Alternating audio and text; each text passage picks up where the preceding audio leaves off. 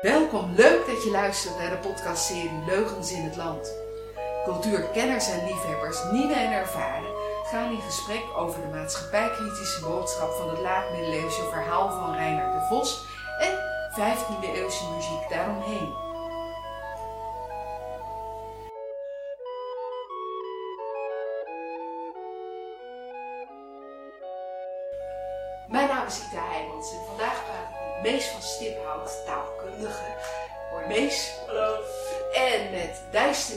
Theoretisch natuurkundige, maar hij leest heel graag. Hey, goeiedag. En met Eva van Drie, die letterkundige is. En wij gaan praten over dieren als spiegel van de mens en satire als maatschappijkritiek. En ook Eva, van harte welkom. Dankjewel. Hi. Jullie hebben ons concert gehoord en ik wou jullie eigenlijk vragen, wat vonden jullie? Wat, is jullie associatie als jullie Reinhard's historie horen? Wat denk je dan? Denk je dan inderdaad, net als Frits van Oostrom net schreef eh, in Tieselijn, dat is een meesterwerk. Een meesterwerk toen en ook eigenlijk nog steeds een meester. Eva, wat vind jij? Ja, in, in zekere zin wel. Ik bedoel, je moet natuurlijk wel een bepaalde uh, waarde in zo'n verhaal hebben om het eeuwenlang te laten overleven. Dus in die zin uh, is het wel een meesterwerk. Kijk, je kan erover praten of, of het je aanstaat, of het je smaak is, ja of nee. Maar ik denk toch wel, uh, ja, als, als literaire tekst is het wel echt, ja, blijft het ook interessant. Dus ja. Oké. Okay. En wat vinden jullie daarvan? Ja, nou ja, toen, toen jij mij origineel vroeg voor deze podcast, Tita, was mijn enige ervaring met uh, de Vos Renaarde uh, de Nederlandsles op de middelbare school. Um, en dat is toch een redelijk oppervlakkig beeld wat je daarvan krijgt. Maar um, in de tussentijd heb ik uh, Reiners historie gelezen. ben ik er veel bekender mee geraakt. Heb ik ook over het verhaal veel gelezen, veel van de achtergrond meegekregen. En het is toch een verhaal dat naarmate je er meer tijd mee doorbrengt, zich echt ontvouwt en je steeds meer dingen geeft om over na te denken of om mee bezig te zijn. En uh, dat is ook ik heel blij ben ja, kunnen zitten en het erover kunnen hebben.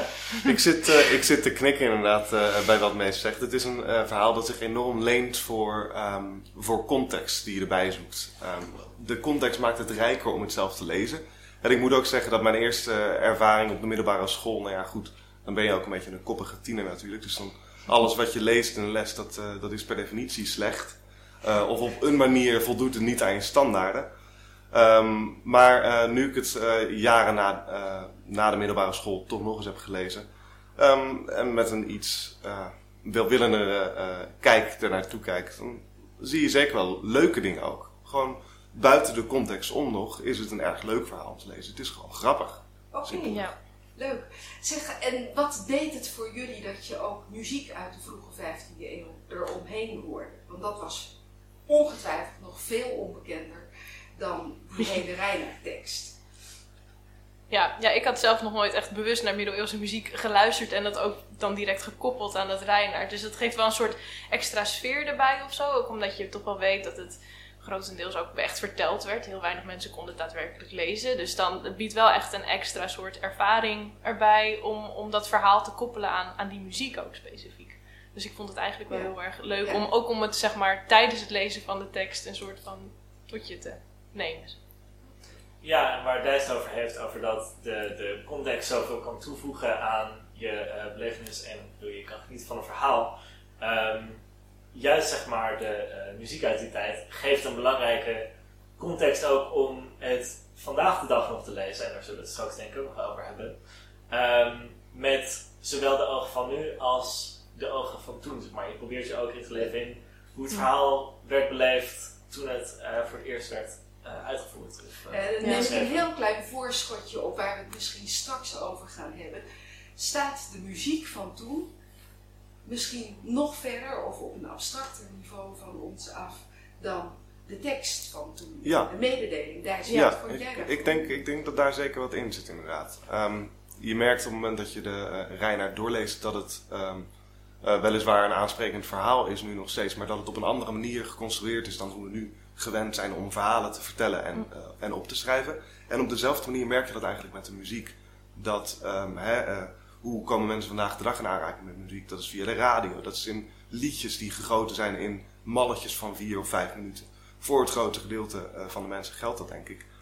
Ehm, en de muziek die je hoort bij zo'n concert, die is nou ja, duidelijk op een andere manier ingericht. Ehm, nog niet op een manier zoals ik eh, bij eerste beluistering onmiddellijk kan doorgronden, maar op een duidelijk andere manier. Wat je ook weer anders laat kijken naar zo'n verhaal als de Reinhard. Oké. Nou, wat wij geprobeerd hebben natuurlijk in het uh, concert, is om de boodschap vanuit het dierenverhaal te spiegelen.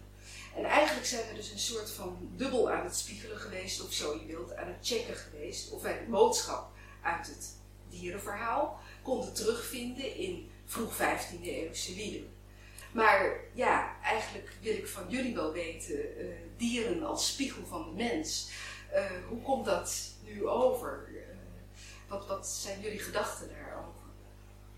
Ja, je zit natuurlijk eigenlijk aan het, nou niet per se aan het begin van, de, van die traditie van een fabel. Technisch gezien is het ook geen fabel, want er was niet zeg maar één morele les uitgedragen die heel duidelijk is van oh niet stelen. Er zijn heel veel dingen die echt absoluut helemaal verkeerd gaan.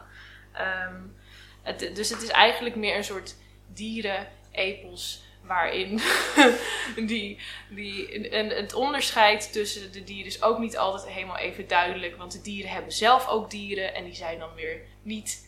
Uh, die, hebben, die kunnen niet spreken, die hebben zeg maar niet de, de ratio die de, de, de sprekende dieren wordt toebedeeld. Um, dus in die zin uh, is het inderdaad een heel interessant gegeven om er te kijken wat dat onderscheid dus maakt. En um, het verschil met nu is ook een beetje dat je heel erg duidelijk een soort. Uh, dat je het geloof erin terugziet. Dus je hebt een soort goddelijke keten in die middeleeuwse literatuur. Van je hebt zo'n steen en een plant en dan heb je een dier, een mens en dan een engel, wat het dichtst bij God komt, zeg maar, als wezen. En op het momentje dat, dat je die ratio, wat dan eigenlijk het verschil is tussen de dier en de mens, toebedeelt aan de dieren, wat doet dat met zo'n verhaal? Um, en dat vond ik altijd heel erg interessant om naar te kijken. Bijna zoals ja. uh, een science fiction verhaal nieuwe regels kan scheppen ja. in het universum. Ja, precies. Dat, uh, ja. Of, of uh, zo'n toverschool in en ook Harry Potter. Ja, ook specifiek binnen die wereld. Wat, wat neem je als lezer aan? Op, op welk moment zit je van, ja, ja. ja hoor, nu, nu gaan deze regels niet helemaal goed voor mij. Um, bijvoorbeeld dat kippen de honden houden, weet je wel. Dus die ja, ja, en wat vind je dan specifiek um, het effect van het feit dat, dat het hele verhaal alleen maar wordt bevolkt door dieren en dat er geen mensen in zitten? Ja, je kan op zich kan je daar twee kanten mee op. Want aan de ene kant kan je dus zeg maar, uh, uh, je hebt een soort extra brug die je, die je slaat. Dus dat je, het zijn niet zo dat de mensen direct slecht zijn, maar je maakt er dieren van, dus je kan een soort extra afstand scheppen. Het is ook iets waardoor je het dichterbij kan trekken.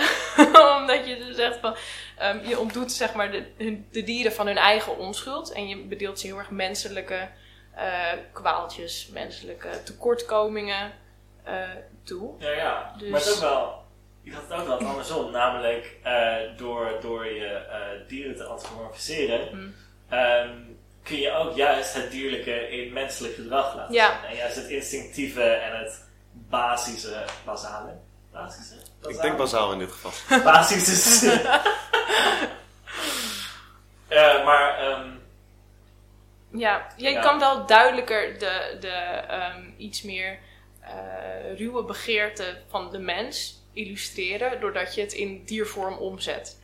Uh, dus het, het is iets meer te, te, Je hoeft het niet zo hard te excuseren als je bij mensen zou hoeven doen. Denk ik. Ja, ja maar het, uh, uh, het dier maken van bepaalde menselijke personages in de maatschappij is natuurlijk op zich eigenlijk al een soort belediging. Op het moment dat je oh, een ja, structuur hebt, zoals je, ja. zoals je net vertelt. Ja, ja, ja. ja. Alright. En, nou, en tegelijkertijd is überhaupt er is een hele lange traditie in, you know, het gaat al zo ver terug als mm -hmm. dat, we, dat we verhalen hebben dat uh, we verhalen vertellen over dieren op een uh, metaforische manier. Het gaat niet over een dier in een puur dierlijke omgeving. Gaat ja. over een dier die eigenlijk een soort menselijke uh, ontwikkeling ondergaat. En het is heel. Een van de dingen wat interessant is om het te hebben over een werk van 500, 600 jaar geleden, is dat je ook kan zien hoe onze ehm, metaforen rondom dieren en zeg maar de waardes en ideeën en context van een dier eh, verandert over tijd. En ik zal gelijk een voorbeeld geven, want dit is wel heel vaag. Maar Ehm we zijn nog steeds bezig met metaforen in dieren, zoals iets is zo sterk als een paard en zo Mm. dapper als een leeuw. En bepaalde metaforen zijn al heel oud en bestaan al heel lang. Maar als je bijvoorbeeld kijkt naar de metaforische context van bijvoorbeeld de slang, die in hedendaagse eh westerse quote-unquote cultuur wordt aangehaald, is eh, eentje is stiekem en eh, Listig. listig. En Ja. daar heeft J.K. Rowling ook wel verantwoordelijkheid voor gedragen, moet ik zeggen. Of ehm, Ehm. heeft zeg maar valse plannetjes. Ehm, terwijl bijvoorbeeld in het eh, oude Griekenland, of in een boel eh, delen van het oude Griekenland, slangen werden gezien als heilzaam en als wijs. Mm, En ja. als behulpzaam. Ja, je ziet ook zeg maar de- in die zin de ontwikkeling van de vos een beetje omslaan. Dus in het begin was het echt een beetje een schelm en kon je nog een zekere positieve eh, gevoelens naar hem voelen. Van oké, ik hoop toch eigenlijk stiekem dat het hem wel lukt. En dat heb je in Van de Vos heel af en toe, in ieder geval een beetje in de middelbare schoolversie of de Suske Wiske versie misschien. Eh, maar in, in Reinaard's historie wordt het toch nog echt iets verder doorgevoerd. En dan die sympathie is nog echt wel moeilijker op te brengen aan het einde. En je ziet ook in, de, in bijbelse teksten dat ze, dat ze die evolutie een beetje doormaken. Dus echt van schelm naar op een gegeven moment ketters. Dus, en, en ook dat, dat ketters in een burcht worden geplaatst. Dus zo'n vossel met verschillende uitgangen, weet je wel. Zo heel listig en achterbaks. En je ziet wel dat dat eigenlijk een vrij constante eh, portrettering is. Dus jij, dus jij schat in dat eigenlijk in de tijd tussen ehm, de Van en Vos Reinaarden en Reinaard's historie, dat een maatschappelijke verandering in ons beschouwen van de Vos heeft plaatsgevonden? Nou, niet, nee, niet, ik denk Of- niet zozeer tussen die tijd per se. Het was echt daar, daarvoor al. Ze hebben het gewoon nog uitgebreid. Maar tussen toen en nu denk ik ook. Ik denk Ja. dat, zeg maar, hoe we vossen nu gebruiken, en dan denk ik voornamelijk aan Disney films. Ja. Eh, ik denk dat we, dat we de vos een veel sympathieker figuur hebben gemaakt in ons eh, animalistische beeldwereld. Deels ook misschien, ik kan wel een hypothese hierover stellen. ik denk ook omdat in eh, de ervaring van de meeste mensen hebben we erg weinig te maken nog met vossen als ongedierte. Of als een Ja.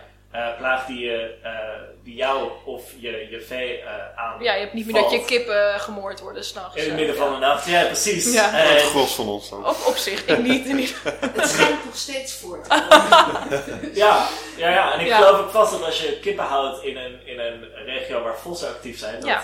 je nog steeds een echte hekel hebt aan vossen, maar voor de rest zijn het een soort van schattige hondjes geworden. En daar Ja. focussen we ons meer op. En daarbij aansluitend, wat vinden jullie van het idee van Van Vos of Reinaerts historie als kinderverhaal? Want ook Paul Biegel heeft natuurlijk een versie gemaakt van Van den Vos en onlangs nog eh, is weer wat nieuws verschenen. Ja. Eh, wat vinden jullie daar eigenlijk geschikt voor?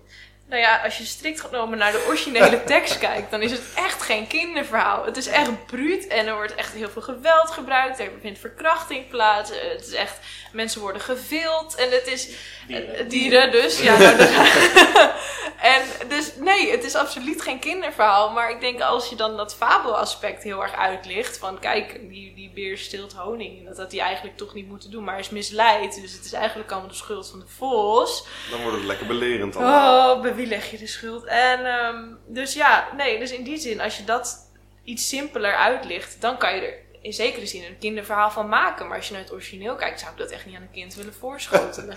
dat is Nee, echt gemeen. Nee, maar de, me- ik bedoel, de meeste sprookjes hebben dit ook. Dat de Ja, ja, ja. versies allemaal een stuk luguber zijn. En, Ja, bij Als een poester werd er ook zo'n deel van haar hak afgesneden of zo. ja, ja, ja, dat is... Misschien is het gewoon dat we allemaal weker zijn geworden. Dat kan natuurlijk ook. Nou ja, of dat je een beetje kijkt wat je kinderen dus voorschotelt, toch? Ik bedoel, Je had daarnet wel een heerlijke verspreking mij toch wel tot een hele kleine leuke conclusie brengt. Het werkt. ja, het werkt Die echt een spiegel van de mens. En het werkt dus ervaren ze bijna als mensen. Ja, dat is zeker waar. En dat, dat is het volgens mij waarom het een populair eh, medium blijft, zeg maar, het dierverhaal. Omdat het ook heel effectief is. Op, en dat het veel... Het is eigenlijk een heel speels genre, waarin je veel vrijheid hebt om eh, opties eh, te verkennen. Hm. Maar je houdt die verbinding naar mensheid en menselijkheid de hele tijd op een heel kort lijntje nog steeds.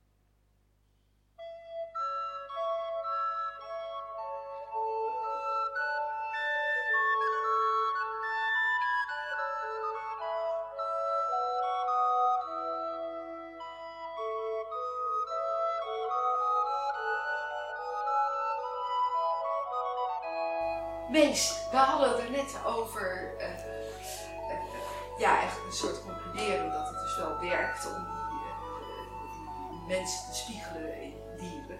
Maar ja, het is ook een satire. En ja, ervaren wij die satire nu nog steeds? Ehm, ja, dat is een leuke vraag. Ik denk van wel.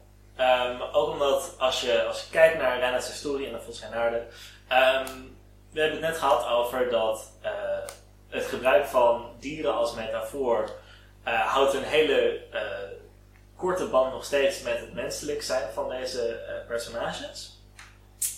En het satirische aspect hiervan is dat het gebruik van dieren in Reinhard's historie uitdrukkelijk ehm, benadrukt dat mensen, voor wie deze dieren plaatsvervangers zijn, dom zijn, niet doeltreffend zijn, ehm, nogal eigenzuchtig en egocentrisch handelen en uit lust en hebzucht ehm, dit soort dingen altijd en allemaal snelle plannen op touw brengen. Dus niet alleen heb je Reinhard die zijn snelle plannen Mm. uitvoert op de meest gruwelijke wijze, maar je hebt ook alle mensen, dieren, Ah. Daar heb je hem weer. Dus je hebt ook al deze dieren die vallen voor zijn plannetjes. En zoveel van zijn plannen zijn gefundeerd op de hebzucht van andere dieren. eh, of op de lust van andere dieren. Dat ehm, ik denk, in welke tijd je dit ook leest, je een duidelijk negatief mensbeeld mee krijgt van dit verhaal. Ja, maar ik denk toch ook dat, dat historisch gezien, die, die maatschappelijke kritiek in, in zeg maar toen, dat dat het toch iets meer zwaarte had dan dat we het nu zien. Want nu verbind je het met name aan het menselijke aspect ervan. En de menselijke eh, eh, zuchten en, en de drang die gesatireerd wordt. Maar ik denk ook dat een groot deel ervan is zeg maar de eh, middeleeuwse samenleving. En het, ab- zeg maar het absolute heersen van een koning. En ook het pauselijke hof wordt ook bela- belachelijk gemaakt in zekere zin. Dus ik denk ook dat, dat, dat ja, wat voor ons nu eigenlijk helemaal niet zo belangrijk of, of heel vaak het, het mikpunt is van eh, satire. Ik bedoel, Willem-Alexander moet het ook flink afleggen, nog steeds. Maar ehm, ik denk toch wel dat dat een belangrijk punt is wat, wat we niet helemaal in, zeg maar, in volle glorie mee gaan krijgen. Meer tenzij je dus echt diep in die tekst duikt en eh, eh, alle achtergrond daar leest. Want eh, Eva, hoe zat het ook alweer? Zijn er specifieke ehm, historische personages als het ware die worden gesatireerd in Van den Volksreinaarden en Nou ja, zijn historie en zo? Die, zeg maar, het is, het is vrij zeker vast te stellen dat het dus in wat we nu kennen als België is, is geschreven. Maar ehm, eh, ik heb in ieder geval zelf niet kunnen ontdekken dat het op een specifieke vorst of landheer of iets dergelijks gericht was. Het is wel gewoon een heel specifiek dat systeem en die maatschappij waarin je op dat moment leeft. Je ziet ook heel duidelijk die verschillende rangordes tussen de dieren. En eh, de dieren die dieren houden zijn dus ook rijker. En, eh, dus die zie je duidelijk Ja. terug. Maar het is niet zo dat je kan aanwijzen van, oh, dat was Hendrik of zo. Nee, Ja. nee, precies. En ehm, waar ik altijd wel geïnteresseerd in ben, Mm. ehm, hoe is het dan geweest voor, ehm, voor mensen in die tijd die dat verhaal eh, hoorden of lazen ergens? Hebben die, hoe, hoe zullen die dat ervaren hebben? Is dat meer een soort lachen, gieren, brullen-achtig verhaal geweest? Of is dat een soort... eh, Ja, dat, dat, dat is een heel goede vraag. Ik denk ook dat je die niet heel, met heel veel zekerheid kan, kan beantwoorden. Want het hangt dus ook heel erg van het publiek af. Bij welke lagen van de maatschappij werd dit verhaal ten gehore gebracht. Dus en el- elke laag zou hier anders op reageren. Ik bedoel, als je dit aan een koning zou voorleggen, eh, dan moet je wel een beetje, eh, ja, eh, nou goed, zeg maar goede zelfspot hebben om, om dat gewoon te willen Nou aanhoren in je eigen hof, weet je? Maar ik bedoel, we weten wel iets over het publiek van Ja, ja. Zeker ook omdat eh, ehm, het niet een toneelstuk is of zo. Het is echt Nee. een geschreven werk wat bedoeld was om te lezen. En daarmee richt je eigenlijk al op een heel specifieke subgroep Ja. in Ja, deze ja, ja, samenleving. En dat was zeker niet de onderlaag. Het was niet de marktkraam die... eh, Nee, nee, ja. precies, precies. Ja, ik weet niet. Ik zie zelf ook wel heel erg de, de, de, de bredere politieke achtergrond Hm. van, tegen het, het, het westers schisma. Ja. En het, het enorme gebrek aan eh, vertrouwen in de instellingen. Ehm, ja, dat, dat hebben we natuurlijk ook wel een beetje eh weerspiegeld in eh, de liederen die we gekozen hebben. Maar goed, dat is een, een, een interpretatie. En ik geloof het Burgondische Hof, daar kun je dus zeker ook nog eh, wat, wat vinden. Zou, zou je kunnen toelichten welke, welke liederen heb je gekozen uit, uit dit oogpunt? Zeker, ik denk aan de kapelaan van Hoedelen, bijvoorbeeld, die we in de eerste podcast hebben opgenomen. Eh, de kapelaan die s ochtends de mis gaat opdragen, dat zegt hij tenminste, maar doodleuk naar het huis van zijn geliefde gaat en daar de kosteropwacht laat staan voor de deur. Dat is natuurlijk niet echt een voorbeeld van eh, vertrouwen in de kerk als instelling. Maar een ander lied dat ik graag wilde laten horen is Ne geen solaas voor vrouwen minnen. En dat is eigenlijk een verhaal over de vrouwen. En ja, we zouden het daar natuurlijk ook nog eventjes over hebben, over vrouwen in de reinheid. Het lachen wie van frissen zinnen, wie haar boene alleine. In Andes arm vast sie hältsten fast de Krop. Ai, mi lieve Jakob, ai, mi lieve Jakob. Ne geen solaas voor vrouwen minnen, dat was wat we daar net hoorden uit het Gruthuse handschrift. eh, dat zo rond 1400 in Vlaanderen is eh, ontstaan, om precies te zijn in Brugge. En wat we daar eigenlijk horen aan het eind is iets wat veel vriendelijker is dan wat we in Reinaard horen. Ehm, en eigenlijk ook veel menselijker is. Eh, aan de andere kant zou ik zeggen, ja, als je het nu zou horen, ja, eh, het gaat over een stel dat de liefde bedrijft en zij heeft de verkeerde vrijer voor ogen. Dus ze zegt, ze noemt hem Jacob, maar hij is Jacob helemaal niet. Hij wordt er natuurlijk helemaal boos van. En eh, hij zegt eh, van ja, je gaat eh, slaag krijgen, je gaat ontvangen menige klop. Maar dan komt uiteindelijk de conclusie, men betert geen wiefs niet slaan. Hij zwoer bij zinnere zekerheid, gij zult ontvangen menigen klop.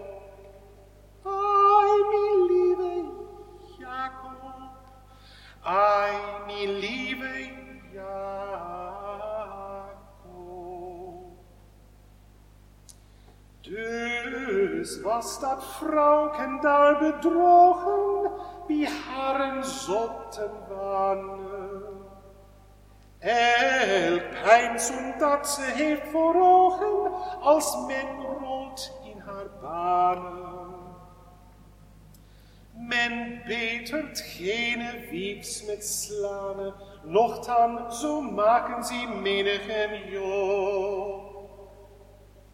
Ai, mi lieve Jacob. Dus eigenlijk komt het erop neer dat toch ook de schrijver van dit eh, lied in het Gruthuse handschrift zegt, ja, vrouwen slaan, dat helpt eigenlijk niet zo heel erg veel. Dat is toch wel anders dan in de Rijn. Eh, ja, Ja, misschien.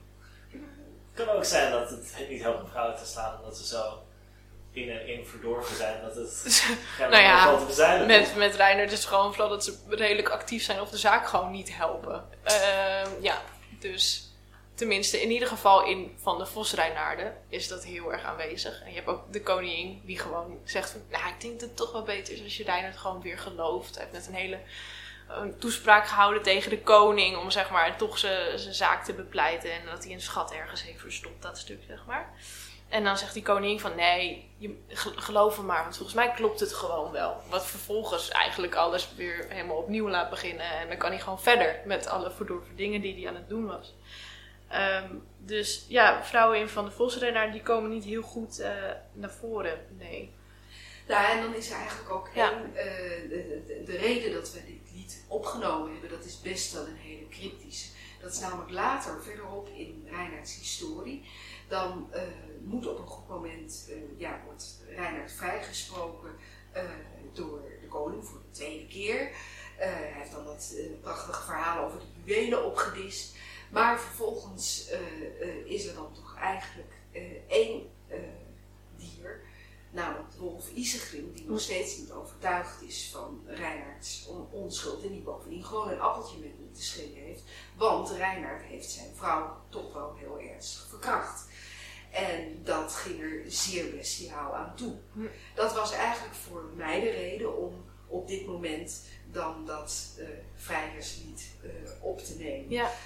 Ja. Maar het geeft denk ik nog steeds een heel ander beeld van een vrouw die zich zo laat verkrachten. Het is ook niet helemaal duidelijk of ze het nou leuk vindt of niet. Ja. Het, uh, ja. ja. het is, alles is dubbelzinnig. Ik vind sowieso ook, uh, op een gegeven moment gaat hij ook met een, en volgens mij met een haas het credo lezen of zo. Ja. Of hij met credo leren. En dat is ook heel erg van, mm, dat, ik weet niet of je alleen maar aan het lezen was.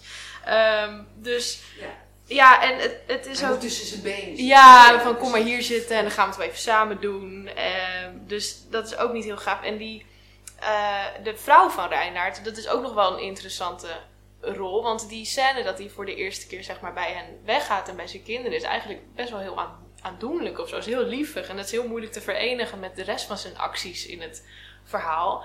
Maar vervolgens in Reinhards historie uh, eten ze met z'n allen als gezin uh, de kuwaard op. Gewoon zo van, ja, dus eten toch? Dus haas, lekker. Dus, Dieren hebben ook ja, ja, precies. Dus dat, dat is, en die, die kinderen die, die hadden ook honger, dus die smullen ook gezellig mee. Um, maar, en dan later in het verhaal, wat ik heel erg interessant vond, is eigenlijk de eerste, uh, het vrouwelijke personage wat de zaak een beetje vooruit helpt in plaats van gewoon erbij zit of iets uitroept als een lichte reactie, is dat die uh, Rukenau, die Apin, die, die houdt een heel pleidooi voor Reinhard. En er wordt ook gezegd dat ze meesters in de rechten en bepaalde voorrechten heeft aan het pauselijk hof.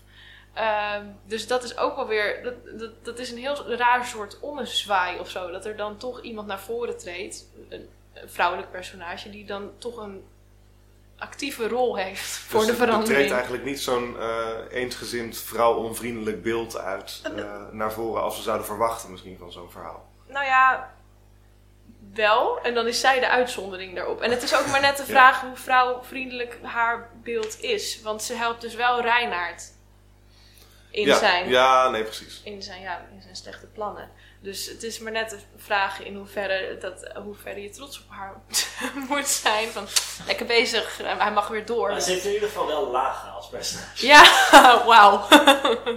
ja, je kan inderdaad vragen stellen bij haar karakter. En dat is meer wat je, zeg maar, dan je bij de andere vrouwelijke personages kan doen. Ja. Volgens mij slaagt Reinhard niet voor de Bechdel-test, of wel? Nee, man. Nee. nee. Um, nog een punt um, is uh, in het uh, programma van, uh, van Avonturen komt nog een lied voor waarin er wordt gepraat over vrouwen. En waarin een zekere positie van vrouw wordt uitgedragen. hoe zit dat in Vrouw Welt? Ja, precies. Ja. En wat is je vraag? Nou, hoe zit dat in Vrouw Welt? Wat voor, wat voor een beeld wordt ons daar gegeven van vrouwen? Ja, daar krijgen we eigenlijk een beeld van vrouwenwereld. Dat, dat is ook wat het letterlijk betekent. Uh, en vrouwenwereld staat ook zelfs afgebeeld bij Hugo van Montfort. Namelijk als heel mooie vrouw. Maar onderaan zie je een beetje dat ze verrot is. Dat ze eigenlijk door wormen opgegeten is. En dat geeft eigenlijk ook het, het, het, het, het tweeledige beeld wat... Uh, of de, ja, de, Nog zoiets dat niet helemaal geschikt is voor kinderen. Nee. nee Misschien is het ook wel heel erg mijn interpretatie geweest. Dat mijn associatie eigenlijk was het. Uh, bij het bedrieglijke uh, mm -hmm. wat uh, uit de Reinhard mm -hmm. spreekt, was mijn ogenblikkelijke gedachte aan voorbeeld. Mm. En ja, is het dus wat dat betreft een extra vrouw die we hier aan toevoegen, maar die niet speciaal een, evenbeeld in, in de Reinhard heeft. Ja. Ah. Maar wat wel zo is, is denk ik zo dat, dat de vrouwen in de Reinhard, misschien kunnen we ze wel iets meer zelfstandigheid toedichten dan dat je misschien zou verwachten. Dus ook als ik denk aan die verkrachte uh, Wolvin, mm. uh, maar ook de, de vrouw van Reinhard zelf heeft toch zeker ook in invloed en ja, wat jij eh, noemde eh, met de koningin. Ja. Ja, en die, die invloed verschilt dus ook weer tussen, de, tussen Van de Vos Reinaarde en Reinaards historie. Dus Ja. daar, daar krijgt de, de vrouw van Reinaard, die, die overtuigt hem om dan toch te blijven in plaats van eh, weg te trekken. Dus, eh, of verder ergens te gaan schuilen. Dus in die zin eh, komen ze in Reinaards historie ook wel iets beter naar voren, vind ik. Actiever. Ehm, maar de, de, de rollen van vrouwen daarvoor zijn toch nog wel ja, redelijk plat. Ik bedoel, eh, de vrouw van de pastoor, die, die hoor je alleen Ja. zeg maar klagen dat, dat, dat de klepel niet helemaal eh, gaaf is. Dus ehm, ja, ik, Netjes uitgedrukt. ja, ja. en, ehm, en, en ook die, die vrouw van, van Isigrin de Wolf, die eh, ehm, op een gegeven moment wordt, wordt zij toch ook ge, gevild voor haar schoenen of zo, want dan gaat hij vluchten. Ja, Eh, en dat, dat wordt er ook maar aangedaan. Dus Ja. er is heel veel wat gewoon maar. Ja, maar in die zin, op zich is dat dan wel weer netjes gedaan, want dan wordt de mannelijke personage ook heel veel aangedaan en misgedaan. absoluut. Ehm, dus ja, misschien is dat niet per se wat, wat, wat, er, wat er onderscheid is. Gelijk enkel in de mate van lijden. Ja, precies. nee, en dan ja. met als hoogtepunt eh, qua sterke vrouw natuurlijk ja, absoluut. Ja, en dat, dat, dat springt ook echt heel erg in het oog. Dus dat, dat is wel interessant om naar te, te, te kijken. Want ze houdt ook echt een, een soort redenvoering waar eh, retorisch gezien ook, ook heel veel sterke aspecten in zitten. Dus dat, dat wordt, wordt er echt wel iets toebedeeld, ook qua, qua eh, het spreken en het nadenken. En ze, ze praat echt die koning onder de tafel. Dus dat is ook wel heel erg leuk om, om, te, om te lezen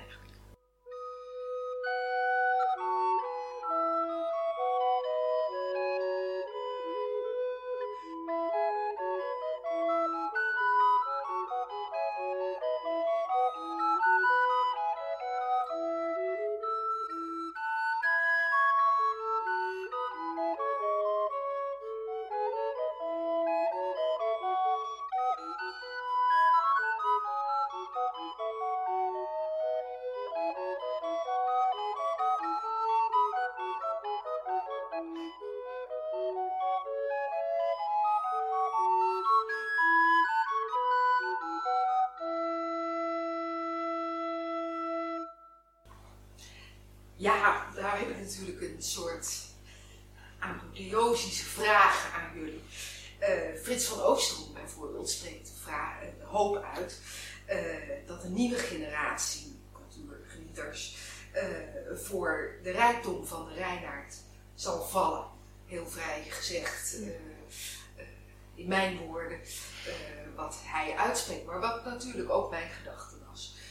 Hoe kunnen we nu toch zorgen dat, een nieuwe generatie cultuurgenieters eh, ook de waarde van dit verhaal eh, tot zich neemt? En dan brengt ons natuurlijk toch bij de vraag: wat is nu eigenlijk precies de actualiteit van Reinhard? En wat hebben we eraan dat er misschien actualiteit in de Reinhard te ontwaren is? Wat vinden jullie daarvan? in, in, in het lezen van werken van, van, van eeuwen geleden eh, vind ik het altijd een, een bijzonder aangenaam experiment om te kijken, eh, zoals we het over hadden aan het begin van de eh, podcast. Je kijkt met de ogen van toen, je kijkt met de ogen van nu. En dat geeft veel mogelijkheden voor vergelijking. Waar zie je de verschillen, waar zie je de overeenkomsten?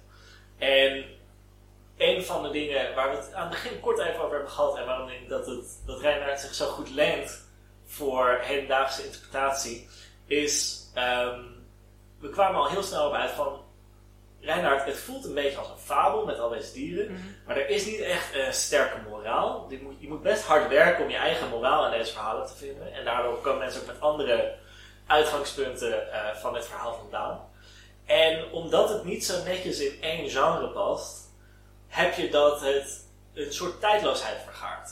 Omdat als je je moraal zelf mag zoeken in de complexiteit van karakters en hoe ze ten opzichte van elkaar bewegen, dan kun je altijd je eigen invulling meenemen erbij. En eh, ik zal even kijken of ik een voorbeeld heb hiervan. Eh, maar iets, iets wat ik persoonlijk heb meegenomen van Reinhard in mijn hedendaagse eh, blik, is dat eh, zoveel van zijn plannen vallen of staan met de tekortkomingen van andere mensen. Ja, Iets ja. ja, zo. heel veel van zijn plannen, en dat, dat is waarom ik het heel erg interessant vind om het nog te lezen, is dat heel veel van zijn plannen, of zijn, zijn acties, zijn talig. Dus het medium waardoor je het zeg maar inneemt, is ook gelijk zijn kracht. Hij, hij praat iedereen omver en alles als zijn listen, de handelingen die daar eigenlijk aan, aan volgen, zeg maar, die zijn niet zo. Die worden niet heel erg uitvoerig beschreven, maar de, de nadruk ligt echt op zijn, zijn redenvoering, zeg maar. Dus in die zin, helemaal de nieuwe cultuurliefhebbers, die, die echt aanslaan op zoiets als literair erfgoed en de rijkdom van de taal, die hebben aan Reinhard echt een, een goede en grote kluif te pakken. Want er is heel veel te ontleden, zowel als inderdaad die dubbelzinnigheid van moraal, als ook de, de taal zelf. Daar, daar, daar rust echt een groot gedeelte van het verhaal en het, en het plot valt echt terug op de taal. Nou ja, en niet alleen eh, de, de, de vorm, dus, dus de retoriek die hij gebruikt, maar ook eh, de, de, de onderliggende eh, waarde van die woorden. Namelijk, ehm, ik heb een voorbeeld gevonden. Yes. Als hij zijn zaak aan het bepleiten is tegen de koning, wat hij gebruikt om er onderuit te komen, is rijkdom. Hij, hij speelt in op de hebzucht van een koning. En hij weet dat als hij de fictieve, totaal uit woorden bestaande verleiding maar Mhm. sappig en lekker genoeg weet te krijgen, dat hij alles gedaan krijgt. En ik denk dat we daar nog meer dan genoeg voorbeelden over kunnen vinden. Ja, daar gaan we straks bijna een hele aparte podcast aan bij.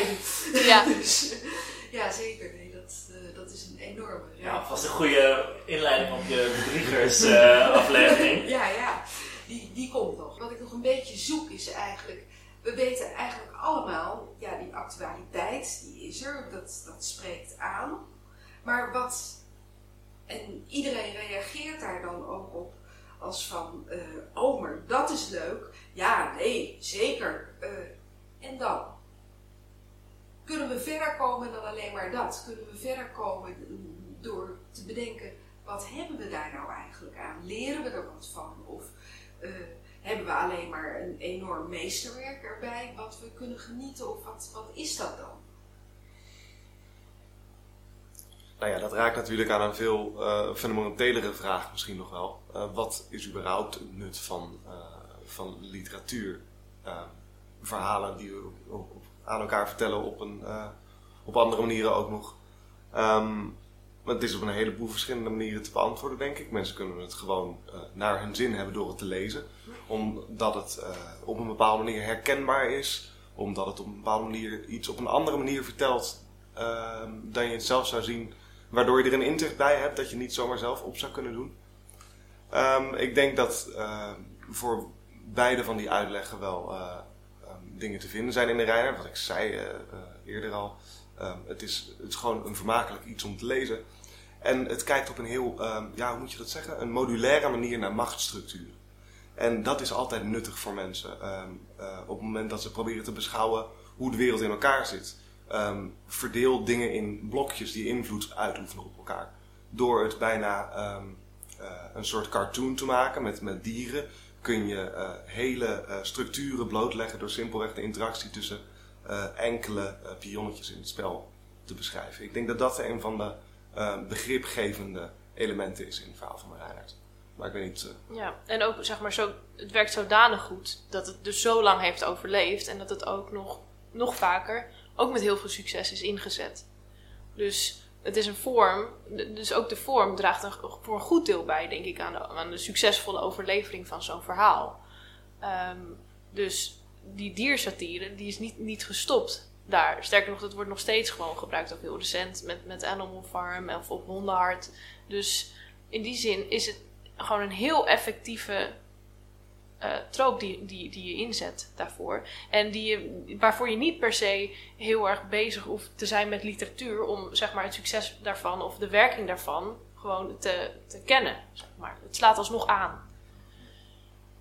En terwijl jullie het lazen, terwijl jullie er naar luisteren, had je dan nog de, het gevoel van: ik heb te maken met een middeleeuws verhaal? Ik wel, maar daar ben ik eigenlijk juist heel blij om. Ook omdat eh, ik denk dat zeker als je een verhaal leest waarin de, de nadruk op de vorm zo aan de oppervlakte ligt, namelijk de retoriek van Reinhard is misschien wel een van de belangrijkste zeg maar, esthetische kwaliteiten van dit verhaal, zeg maar zijn speeches en zijn redenvoering. Ehm, juist omdat, je het, omdat het duidelijk in een bepaalde tijd zich nog steeds bevindt, ehm, kun, je het, kun je jezelf blijven inleven en maakt je ook ervan bewust dat er een zekere universaliteit uh, gaande is. Dat de constanten van 600 jaar geleden zich tot de dag van vandaag laten kennen. En daardoor, ik heb altijd dat als je iets duidelijk ziet in een context, kun je ook makkelijker actiever de link leggen tussen andere contexten. Dan kun je ook duidelijk denken van, oh, dit heb ik ook gezien in uh, bijvoorbeeld Shakespeare, Mhm. in Merchant of Venice. Of um, Liz Center, dit heb ik ook gezien in satirische werken, of dit heb ik gezien op tv. Of ik heb een politicus gezien die dit ook precies zo gebruikt. Ook dat is voor de volgende Ja. maar, zeker. Nee, en eh, de, de context waar je het over hebt, wat we natuurlijk geprobeerd hebben, is ook om een echte, expliciet middeleeuwse context met ons geluidsbehangetje eh, eh, te creëren. Ehm, dat, dat zou eigenlijk ook zelfs in deze podcast ons telkens terug moeten brengen naar het bewustzijn van dat het een middeleeuws verhaal is. Toch gaat die parallel tussen nou ja, eh, de, de ac- actualiteit van het verhaal nu en de actualiteit van die muziek nu is van een hele andere orde. Vinden jullie niet? Ik bedoel, jullie zeiden er al wel Ja. wat over. Ja, ja, nou ja, het is. Ik denk ook de nadruk die wordt gelegd, gewoon waar we dus ook begonnen, op, de, op, de, op school al. Dit is wat je meekrijgt. En de muziek die. Ik heb in ieder geval die middeleeuwse muziek pas een paar weken geleden gehoord. Maar ik vind het wel dus bijdragen aan de gehele context. Want je krijgt gewoon een comple- completer plaatje van de geschiedenis waarin het zich heeft afgespeeld. Dus wat zouden middelbare schooldocenten moeten doen? Oh, Muziek erbij. Ja, ja. dat is overigens wat mijn leraar Nederlands ooit wel deed. Met succes heeft gedaan. Ja, Ja, met succes mogen wij. Ja. Ja, zeker. Ja. ja, wat vind jij daarvan? Van eh, de actualiteit van de muziek? Eh, nou, ik sluit me deels aan bij wat jullie zeggen van ja, middeleeuwse muziek wordt inderdaad misschien niet eh, erbij geassocieerd of, of zeg maar past zich niet in dat plaatje. Ik denk wel dat er ook een, eh, dat ik vond het zelf heel waardevol inderdaad wat Evan zei om die muziek erbij te hebben, omdat het ook heel erg in hetzelfde kaliber zit van ik zei net van ja, als je iets duidelijk in een context kan plaatsen, kun je het ook als een actieve handeling eruit halen en op andere dingen toepassen. En de muziek helpt daar heel erg bij. Ehm, al denk ik wel dat er een neiging is om dit soort verhalen steeds minder in hun eigen tijd te laten afspelen. En steeds meer in een soort tijdloos, jaren twintig-achtig vacuüm ehm, wordt herverteld. Ja. Eh, waarin alle, alle eh, anachronistische elementen worden weggehaald voor meer algemene ja, elementen. een beetje Ja. in het luchtledige zich laten afspelen, Ja. zeg maar. Ja. En dat is aan de ene kant maakt dat het natuurlijk toegankelijker voor mensen, maar je verliest wel een boel van de. Ja, van Zou- de, de zou- rijkheid, de rijkdom van de tekst. Zouden jullie dat inderdaad. kunnen uitleggen? Want ik geloof dat ik dit niet helemaal eh, begrijp. Eh, nou ja, we, eh, er komt natuurlijk binnenkort een hervertelling aan van eh Over drie jaar, Vos en Aarde. Editie. Nou, een boek over. Ja, Een boek over. Zoals wij lazen in Tisselijn Ja. 31. Ehm, maar, maar ik denk wel dat een boel hervertellingen die al bestaan, ehm, ook, en daaronder ook de versies die wij meestal meekrijgen in de Nederlandsles, ehm, zich veel minder duidelijk afspeelt in een bepaalde tijdsperiode. En dat de nadruk heel erg ligt op de algemene aspecten van dit verhaal. En dat het ehm, bijvoorbeeld, het zou, een boel hervertellingen zouden zich op elk moment tussen het jaar 300 en een 1920 af kunnen spelen. Zo. Ja, ja, nee, ik, ik geloof dat ik wel eh, begrijp wat je bedoelt.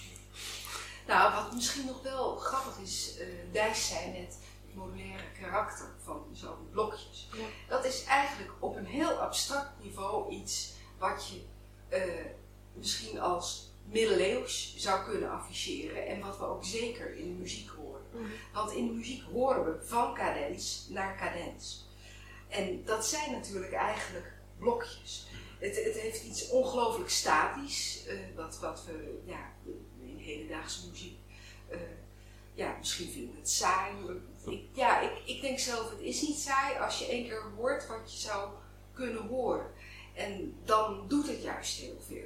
Ja, nee, precies. Ehm, en dat heeft er natuurlijk ook mee te maken ehm, dat eh, in de tijd waar, we- waar we het dan over hebben, er ging eh, muziek, maar ook literatuur ging op een heel eh, andere manier van, van hand tot hand. Ehm, ik, ik, ja, bijvoorbeeld. Ja, goed, van oor tot oor zou ik moeten zeggen misschien. Hoe zit het dan precies met, met de muziek daarin? Want we weten wel inmiddels dat Reinhard of zeg maar werd verteld aan mensen, of dus alleen door de belezen mensen, het een heel klein percentage was. In welke, in welke context werd die muziek gespeeld? Is dat ook vergelijkbaar of is dat heel moeilijk te achterhalen? Eh, bedoel je de muziek die wij Ja, uitgekozen ja, ja? Of, eh, Ja. eh, die werd in verschillende contexten gespeeld. Dus goed, ik heb natuurlijk primair geassocieerd met boodschap uit de Mhm. Reinaard en dat in de eh, vroeg 15e eeuwse liedteksten eh teruggezocht. Eh, die liederen die werden zeker ook in absoluut hogere kringen beluisterd. Misschien net niet helemaal allemaal. Een enkeling zou meer op niveau van burgers geweest zijn. Maar je moet daar toch een behoorlijk geletterd publiekje bij voorstellen. Het andere wat, wat je hoort is instrumentale muziek. En gedeeltelijk ook gearrangeerde of geïmproviseerde instrumentale muziek. Dat deden instrumentalisten. Instrumentalisten die overal bij eh hoven, maar zeker ook bij eh, stadsbesturen in Hmm. dienst waren. En dat zal veel meer al ongehoord zijn, ook door gewone stedelingen. Is dat een, Ja, een ja, ja ik was benieuwd naar de context en of dat Ja. zeg maar enigszins verenigbaar zou zijn. Maar het is dan, zou je kunnen stellen dat die muziek veel wijder verspreid was dan, dan een verhaal eigenlijk. Ik denk het wel, Ja. maar daar begeef ik mij op iets glad ijs, want ik ben geen Ja. Nederlander. Ja, ja oké, dat is wel, ja. Ik denk in ieder geval wel dat na dit gesprek heb ik een, een weemoedig verlangen naar een Nederlands les waarin misschien meer werd ingegaan op de context van een tekst en waarin een tekst zich afspeelt. Dus eh, meneer Ploegmakers, als u luistert.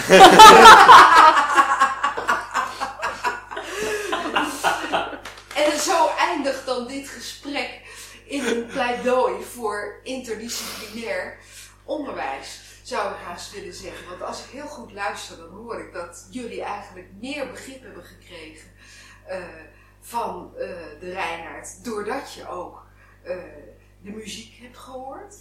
Ehm, meer begrip en meer plezier. Heel erg bedankt voor dit leuke gesprek. Ik heb er ontzettend van genoten. Ehm, ik vind het ook heel erg leuk om te horen dat jullie er dus daadwerkelijk iets aan hadden om de muziek uit de vroege 15e eeuw rondom Reinhard's historie te horen. Ehm, en ja, misschien kunnen we deze hele podcast beschouwen als een pleidooi voor interdisciplinair onderwijs. Het lijkt me een, eh, een, eh, een dingetje om te overdenken voor docenten Nederlands. Zeker, Of wat dan ook. Dit was de tweede podcast van vijf afleveringen Leugens in het Land met 15e eeuwse muziek rond Reinhard's historie. Wil je niks missen, abonneer je dan op dit kanaal. Volgende keer gaat het over koopluik en blokken, die we horen in polyfonie rond Reinhard's historie. Bedankt voor het luisteren.